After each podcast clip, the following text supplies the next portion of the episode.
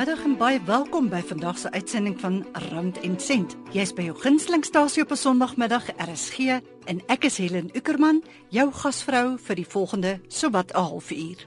Ons gaan voort met ons reeks oor die Raad op Finansiële Dienste en wat hulle vir jou as verbruiker beteken.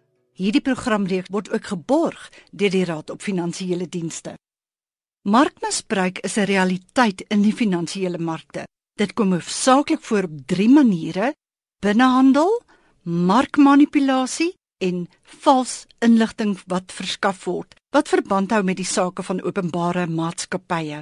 Die direktoraat markmisbruik van die Raad op Finansiële Dienste het 'n mandaat om ondersoek in te stel na hierdie soort misbruik en om in toepaslike gevalle op te tree wanneer misbruik van gereguleerde finansiële markte voorkom. Ons ateljeegas vanmiddag is Eris van Kerken, senior finansiële ondersoekbeampte van die Raad op Finansiële Dienste, wat telefonies met ons gesels uit Pretoria. Middag Eris, baie welkom by Rand en Sent. Baie dankie Helen, lekker om saam met jou te wees.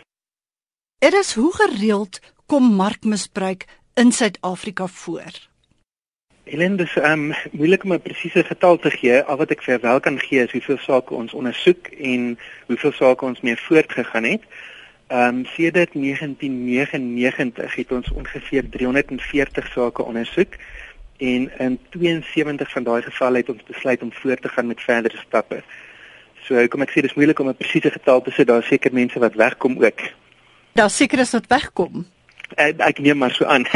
ons ons ons hoop maar altyd dat ons almal vang wat oortree, maar so ons ons weet dat ons nie noodwendig almal sal vang nie. Kan jy ons meer vertel oor presies watter rol die Raad van Finansiële Dienste se direktoraat markmisbruik speel in die organisasie? Helen, um, ons is 'n komitee van die Raad van Finansiële Dienste en ons is verantwoordelik om oortredings van binnehandel, markmanipulasie en die publikasie van vals um, inligting ten opsigte van gelyste maatskappye te ondersoek en um, waar nodig neem ons dan ook verdere stappe.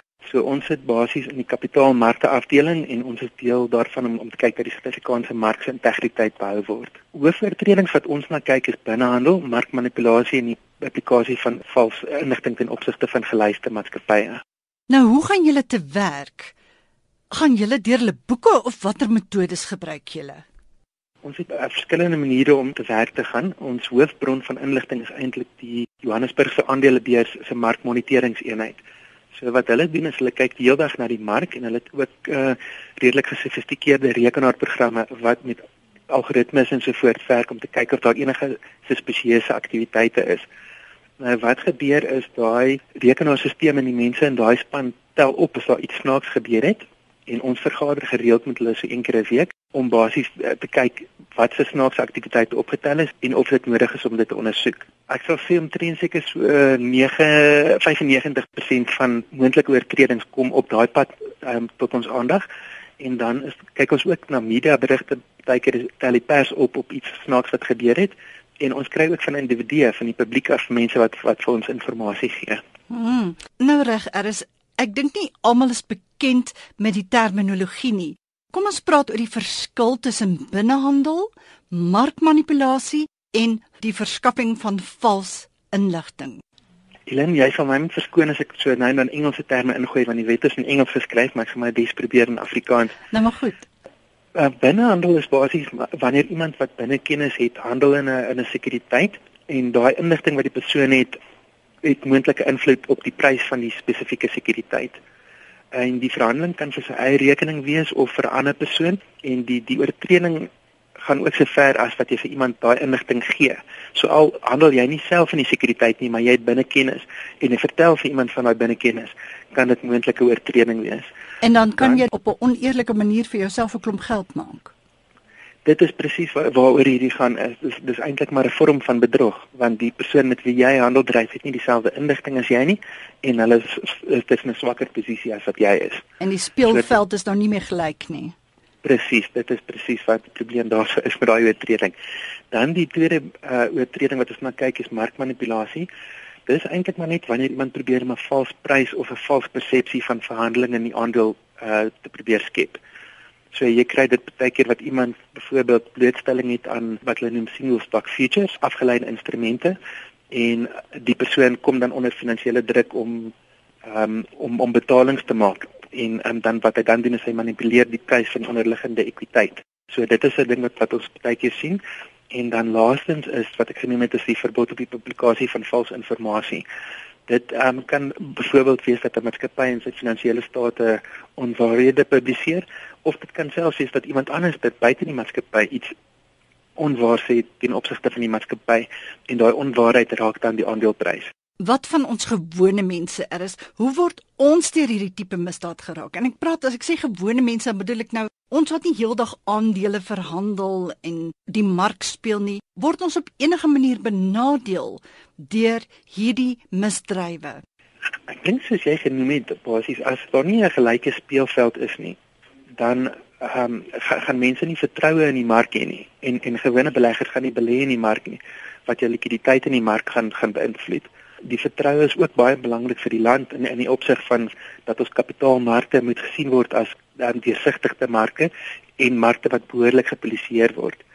So dit is die gewone ou word geraak want jy kan byvoorbeeld 'n aandeel koop teen 'n verkeerde prys omdat iemand anders dit gemanipuleer het. Onthou baie mense se geld wat nie noodwendig op die aandelemark koop nie, het pensioenfonde. En daai pensioenfonde byvoorbeeld het klomp geld wat hulle in die mark belê. So in daai opsig kan mense geraak word en soos ek gesê het ook die die hele kapitaalstruktuur van Suid-Afrika as daar nie vertroue in die mark is nie, hmm. dan kan dit die hele land raak en dit dit dit kan ehm um, byvoorbeeld ons geldeenheid kan verswak want ons is baie afhanklik van invloed van buitelandse geld in die land in.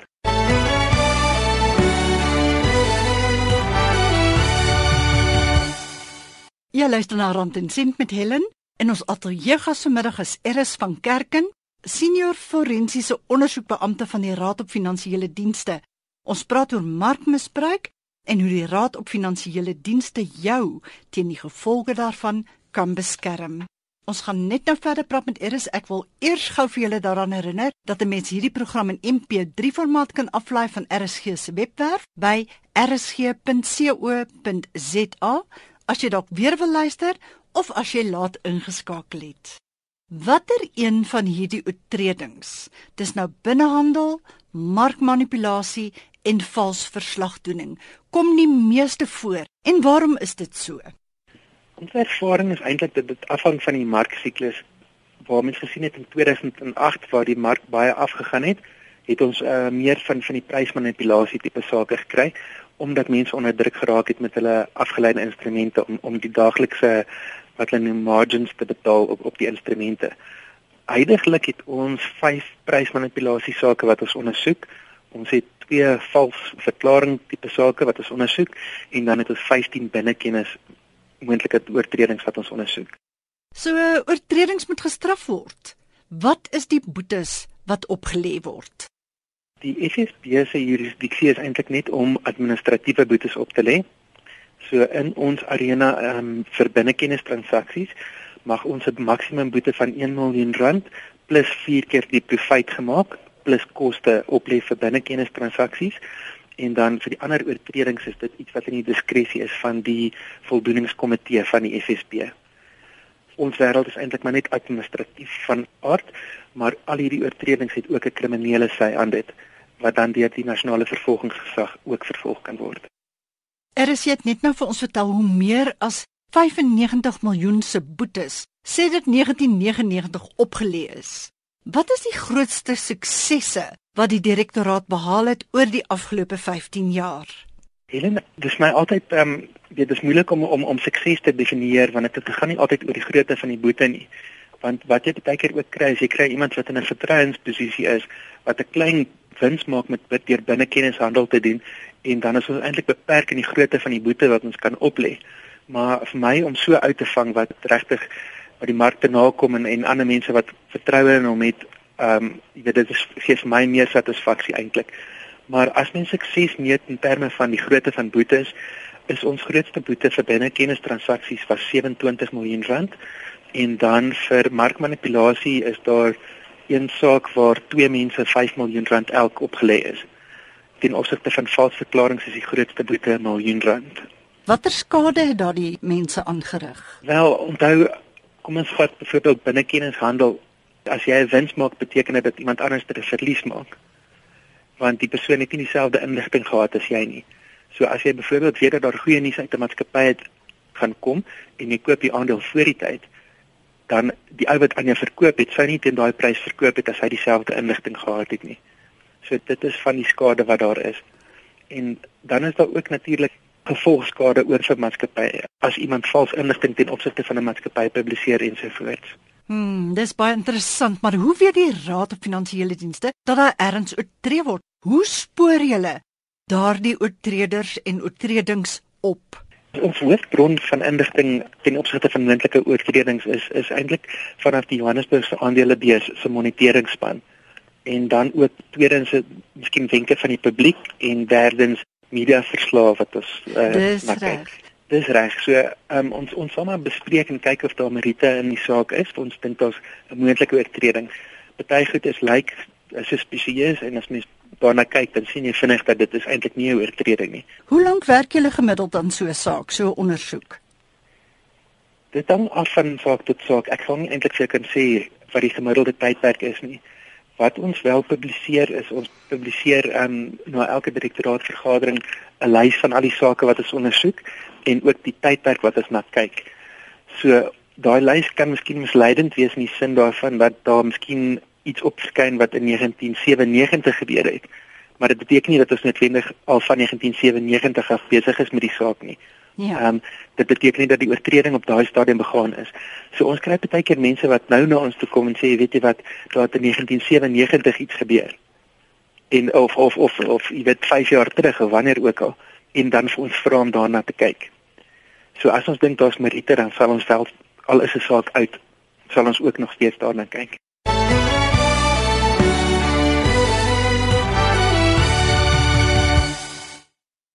Jy's by Rand en Sent op RSG 100 tot 104 FM en ons ateljee gas vanmiddag is Eris van Kerken, senior forensiese ondersoekbeampte van die Raad op Finansiële Dienste wat telefonies met ons gesels vanuit Pretoria. Oortredings in die finansiële markte raak ook vir jou die verbruiker en Eris is hier om te vertel hoe die Raad op Finansiële Dienste ook vir jou kan beskerm. Wat kan die Raad op Finansiële Dienste doen as julle van sulke oortredings te wete kom, hoeveel tande het die organisasie werklik in die ondersoek van sulke sake? Helen, die wet gee vir ons redelike ernstige tande. Deel van ons magte is om om die oortredings te ondersoek is om dokumente te subpoena. So ons kan enige inligting as ons dink iemand het inligting wat moontlik kan help in ons ondersoek, kan ons daai inligting subpoena. Ons kan ook mense individue subpoena en hulle ondervra onder eed en ons kan byvoorbeeld lasbriewe ook verkry om inligting in die hande te kry. So ons het redelike wye magte om al die inligting te verkry wat ons dink is nodig. So byvoorbeeld in 'n binnekenningssaak sal ons miskien vir die makelaar se telefoonrekords in die hande kry en selfs die telefoongesprekke um, wat opgeneem word sal ons dan ook in die hande kry. Hoe word besluit watter boetes opgelê moet word as 'n persoon of 'n maatskappy skuldig blyk te wees? In terme van ons wetgewing is daar 'n hele lys van faktore wat in ag geneem kan word om die boete te betaal. So byvoorbeeld kyk hulle na die omstandighede waarin die oortreding begaan is, wat tipe boete nodig sal wees om ander mense af te skrik sodat hulle nie dieselfde oortreding begaan nie. Uh, ons sal kyk na die skade wat veroorsaak is deur die verhandelinge. Ons sal kyk na die dier wat die oortreding begaan is en um, ons sal kyk of die persoon enige soortgelyke oortredings begaan het. Weet jy hierdie klink vir my na ingewikkelde, moeilike werk. Beskik die Raad op Finansiële Dienste daarom oor die nodige hulpbronne om hierdie ongeoorloofde aandeleprysbewegings te identifiseer en behoorlik te kan ondersoek. En ek dink ons is almal weet eh, eh, het ons maar altyd 'n behoefte aan meer hulpbronne, maar ek dink die hulpbronne wat ons het is wel genoegsaam um, om vir ons markse doeleindes. So ek dink ons ons doen redelik goed met die hulpbronne wat ons tot ons beskikking het. Lyk my dis tyd vir Helen se geldwenk en daarna kyk ons na 'n paar boodskappe van ons luisteraars.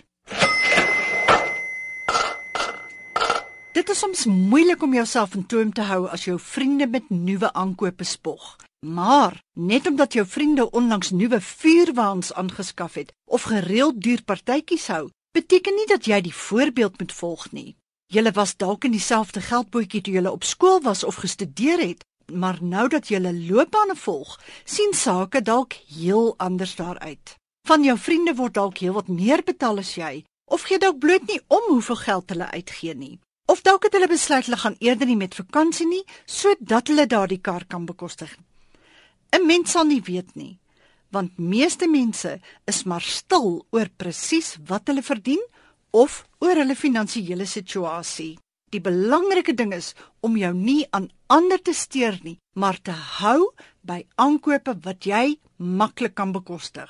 So bly 'n mens uit die geld knyp.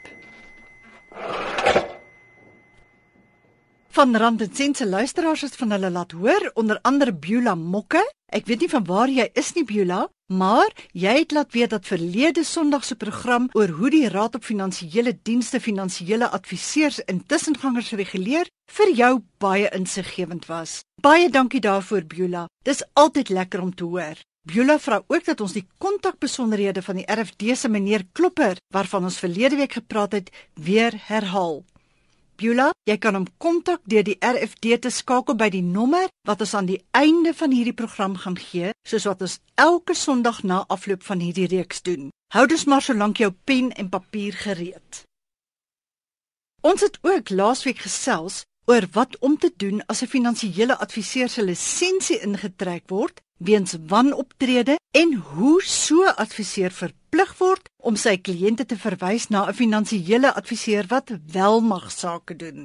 Nou vra anoniem, wat gebeur as jou finansiële adviseur wat in diens van 'n bank staan, te sterwe kom? Moet die bank 'n mens dan ook na 'n ander adviseur verwys?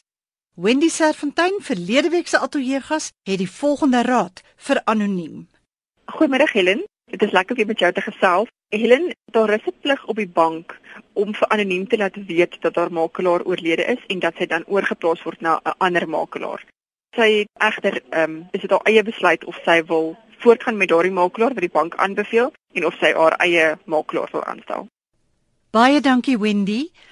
Anoniem, ek vertrou die situasie is nou vir jou duidelik. Vir die wat nou eers by ons aangesluit het, jy luister na Rand en Sent op RSG met Helen En ons praat met Eris van Kerken, senior forensiese ondersoekbeampte van die Raad op Finansiële Dienste wat telefonies met ons gesels uit Pretoria. Eris, die straf vir oortredings behels dit slegs boetes of word oortreders ook tronk toegestuur? Kan jy dalk vir ons voorbeelde gee van mense wat toegesluit is as gevolg van markmisbruik? Helen, ek kan ongelukkig nie vir jou voorbeelde gee nie. Ehm um, Teoreties is die maksimum kriminele boete is 'n boete van 50 miljoen rand of tronkstraf van 'n maksimum breede van 10 jaar. In Suid-Afrika is daar nie baie voorbeelde van mense wat toegesluit is vir markmisbruik nie en daar's verskeie redes vir dit. Ehm um, in die administratiewe omgewing waarin die FSB optree is ons 'n bewyslys eintlik net op 'n oorweg van waarskynlikhede terwyl in 'n kriminele arena is dit 'n redelike twyfel. So dit is baie moeilik om van hierdie sake in 'n kriminele hof te bewys. En dan weet jy ook soos in Suid-Afrika het ons baie ander ernstiger tipe misdade wat die tyd opneem van aanklaers. So daai is van die redes hoekom daar nie tronkstraf is vir hierdie sake nie. Wat mens ook in gedagte moet hou is as die FSB klaar vir iemand 'n boete gegee het wat in baie gevalle 'n baie groot boete is, dan sal die kriminele hof ook daai boete in ag neem en miskien tot die gevolgtrekking kom dat iemand klaar gestraf is vir sy oortreding. Ek het gehoor er is dat die Raad op Finansiële Dienste se regulasie van die Johannesburgse aandelebeurs onder die wêreld se beste stel. Is dit so? Helena, ek bly om te sê dat jy reg gehoor het. Die ehm um, die Johannesburgse aandelebeurs is al vir die afgelope 4 jaar deur die Wêreldekonomiese Forum as die besgereguleerde mark in die wêreld verkies. So dit is 'n wêreldklas mark. So ons kan maar gerus voel oor ons aandeeltjies daar. Wel ek kan gerus voel oor oor markmanipulasie en daai tipe probleme. Ek weet nie van die groter groter prentjie nie. Hoe kry julle dit reg? Wat is julle wenresep? Ek dink dit is 'n kombinasie van verskeie faktore. Daar is 'n baie bekwame span wat werk by die Johannesburg aandelebeurs. Ons het 'n baie nou verhouding met met die span en by die FSB self het ons ook bekwame mense wat in die span ons het mense wat aanklaers was, ons het mense wat CA's is, ons het mense wat uit die praktyk gekom.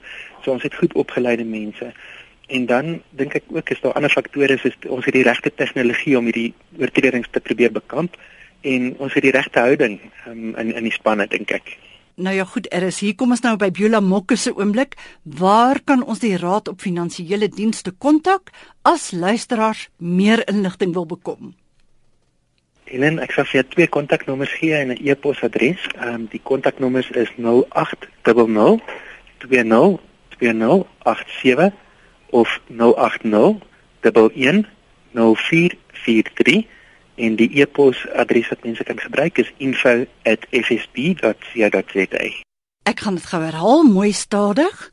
0800 20 20 87 of 0800 11 0443. Dit is die telefoonnommers.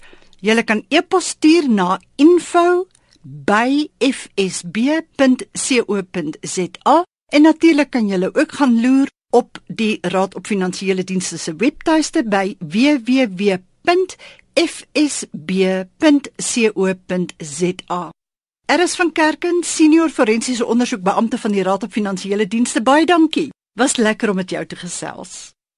Dankie vir jou tyd, Helen. Lekker dag daar. Vandag se program is geborg deur die Raad op Finansiële Dienste of in kort die RFD wat finansiële dienste in Suid-Afrika reguleer.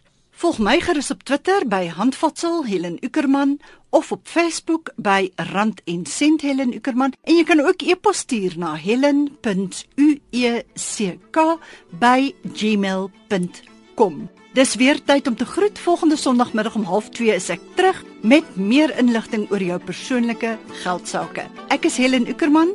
Geniet die res van die middag.